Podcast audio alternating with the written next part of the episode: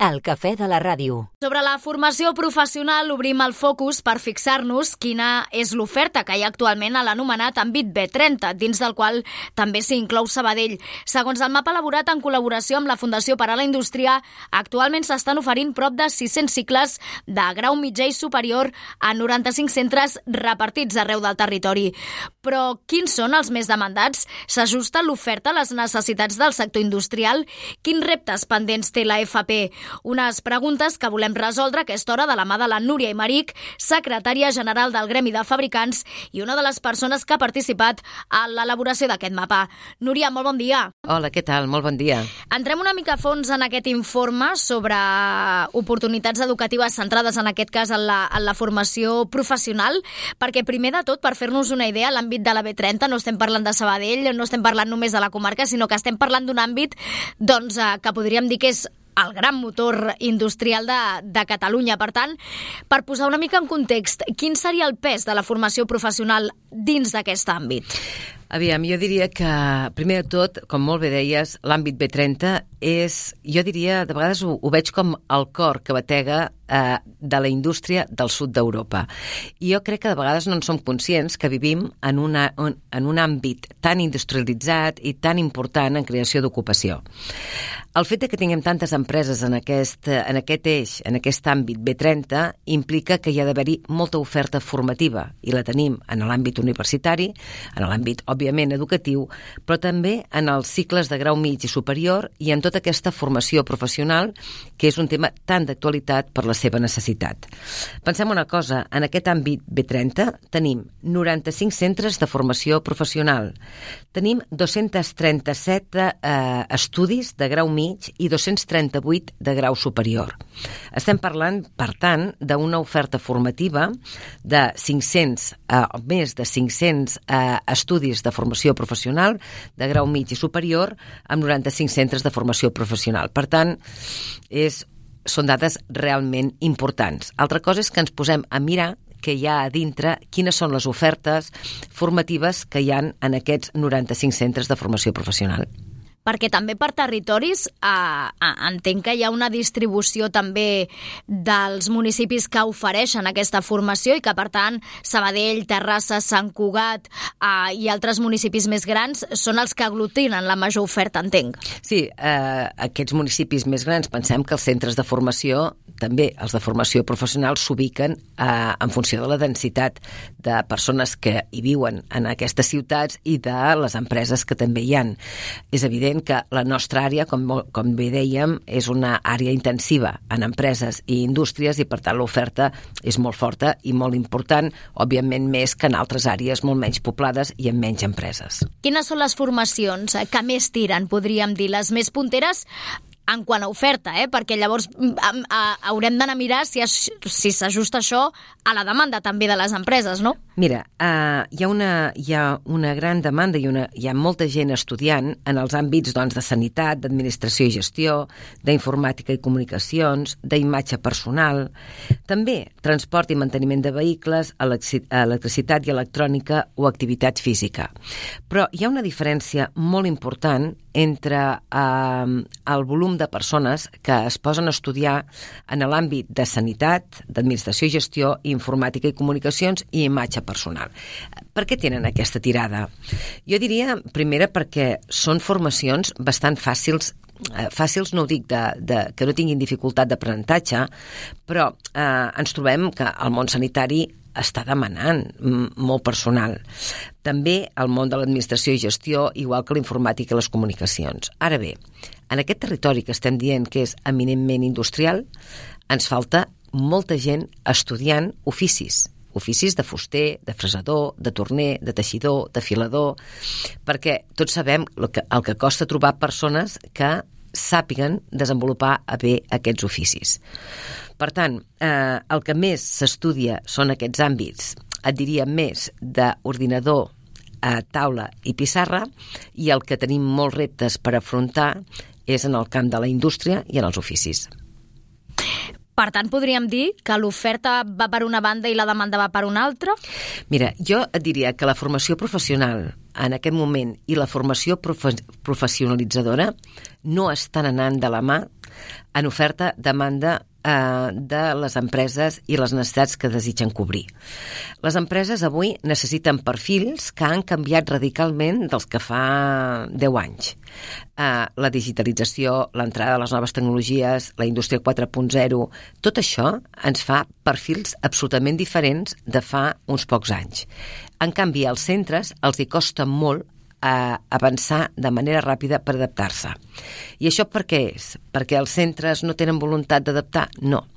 Mira, hi ha un concepte que jo, no, jo si puc sempre l'explico i és que la formació de qualitat i la formació de qualitat en oficis requereix d'inversió i requereix d'inversió econòmica.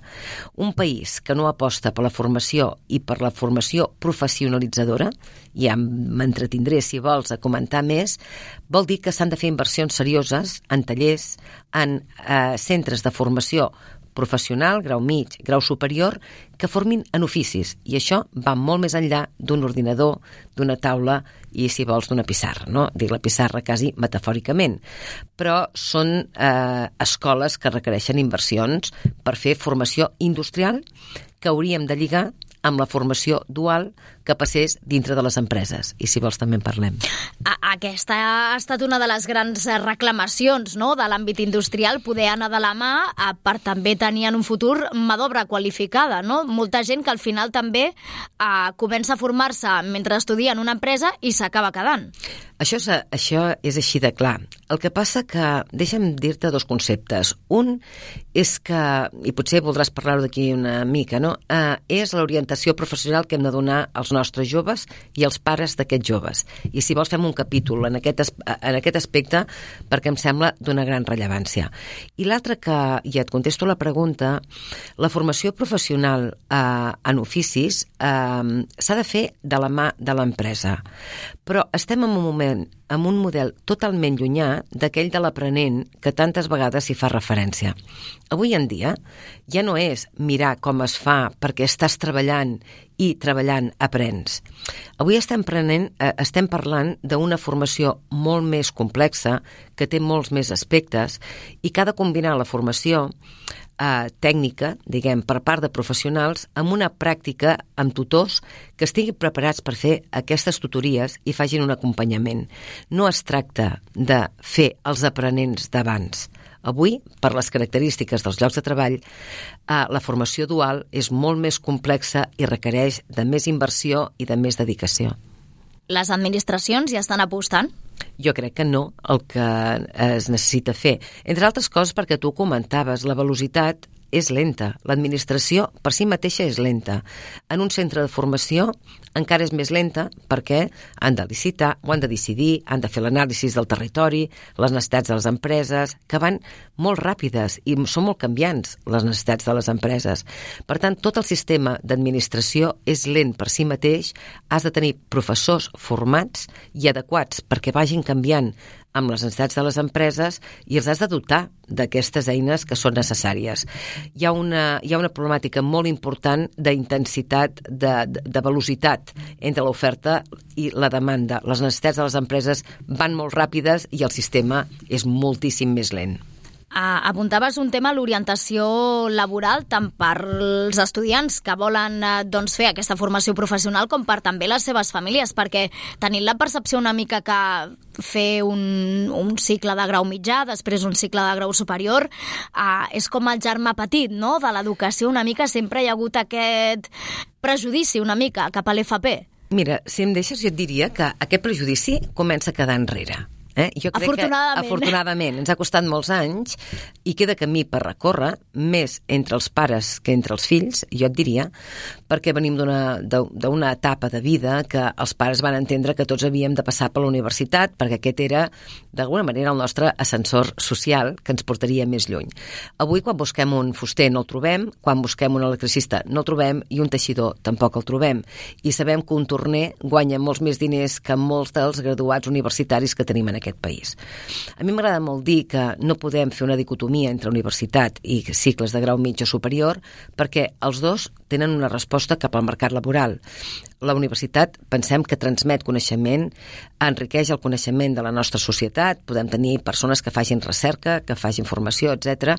però a eh, la formació de, mm, de cicles de grau mig i superior està donant uns resultats espectaculars. Pràcticament totes aquelles persones que decideixen anar en aquests graus, en aquests cicles de grau mig i superior, troben feina quasi haurem de vigilar que no se'ns els quedin abans d'acabar tota la formació. Estem parlant d'uns oficis, uns oficis que cada vegada estan més demanats, que estan ben pagats, i també ens hem de treure el cap de que la indústria d'avui és bruta o que els oficis també són bruts. Avui estem parlant d'uns oficis que han incorporat la tecnologia, la digitalització, estem parlant d'empreses sostenibles i, per tant, avui tenen, jo diria, en determinats àmbits, igual de prestigi, diferent, però equivalent la formació universitària que la formació professional. I, per tant, ho hem de dir amb veu alta molt clara en els pares. Si us plau, recomaneu als vostres fills els cicles de grau mig i superior si veieu que ells això els hi fa il·lusió, si els hi agrada. I empalmo amb això que comentaves de l'orientació professional. Mira, una bona orientació professional el que evita és moltes frustracions de joves i de pares, perquè si no orientem bé ens equivoquem a l'hora d'elegir els estudis i la carrera professional. I el cost que té humà en la frustració de joves i de pares és molt alt. Però també hi ha un cost econòmic que és de l'administració pública i els diners públics hem de pensar bé com els gastem. Però per tot plegat jo crec que una de les gran, dels grans temes pendents que tenim en aquest país és l'orientació professional. L'hem d'explicar molt bé i en aquesta orientació hem d'enfocar els pares i els fills cap als cicles si ells ho desitgen o el seu perfil eh, és, és idoni per aquests cicles de grau o superior o per una carrera. Evidentment, si vols ser metge, doncs has de fer una carrera universitària. Però a vegades escolta joves que han fet una carrera i no saben per què l'han feta. Quan els hagués agradat o els hagués agradat molt fer matèries doncs, més pràctiques com són els d'oficis i no tenen tampoc res de fàcil, s'ha de dir. Eh? No, no, perquè, mira, em poses a mi a muntar un motor i ja et dic jo que no, que no me'n surto. En qualsevol cas, per exemple, a, a les últimes hores s'ha presentat aquesta Fira Pro, a, també encaminada doncs, a, a orientar els joves en aquesta línia de la, de la formació professional. Eh, és una estratègia a seguir, però no n'hi ha prou, entenc, no. perquè al final és un cop l'any que reunim allà centenars de joves i els expliquem ràpid quin, quina és l'oferta que hi ha, no? I empreses que busquen treballadors i que no els troben. A, a mi em sembla increïble que tinguem una bossa important de joves que no saben què fer en el seu futur i unes empreses que estan buscant uns perfils que no troben. L'administració té l'obligació de fer lligar oferta amb demanda i això és molt important. I per tant l'orientació d'una setmana, uns dies, no resol, pot resoldre temes puntuals, però de veritat el tema el resoldrem per empreses i per joves i pels pares dels joves quan fem una orientació in situ, en els centres de formació. I és una, forma, una informació que ha de ser personalitzada. Cada persona, cada jove és un món.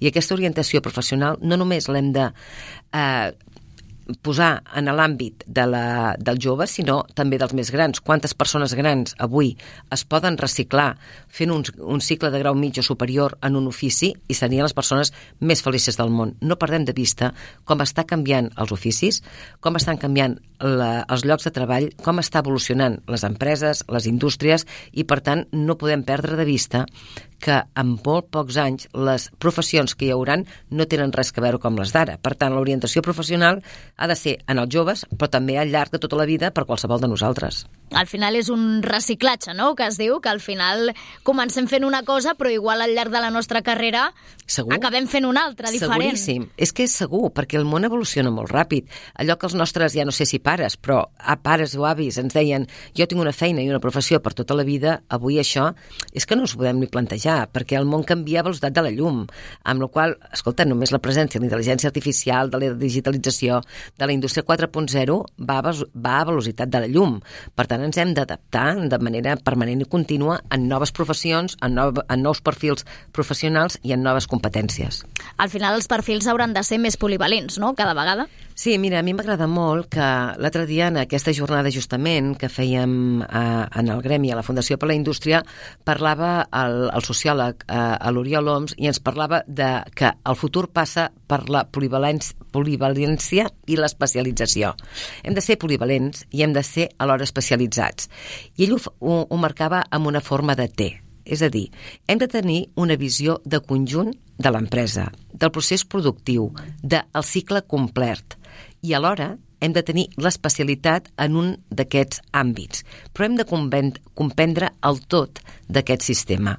No podem pensar només jo sé fer aquesta funció dintre d'un espai metal·lúrgic o d'un tèxtil o d'un químic sense comprendre tot el procés complet. I aquest l'has de saber i has de poder entendre cada un dels passos d'aquesta indústria o d'altres indústries reptes, reptes importants que tenim per endavant, també en el sector de la, de la indústria i sobretot inversions, com apuntava la Núria, perquè aquesta formació professional agafi d'agafar o acabi d'agafar el, vol que, el vol que necessita i que necessiten també les empreses, eh? perquè al final això ho necessiten les empreses i nosaltres també després com a societat. Núria Imaric, secretària general del Gremi de Fabricants, gràcies per venir avui al Cafè de la Ràdio. Gràcies a vosaltres, fins sempre. El cafè de la ràdio.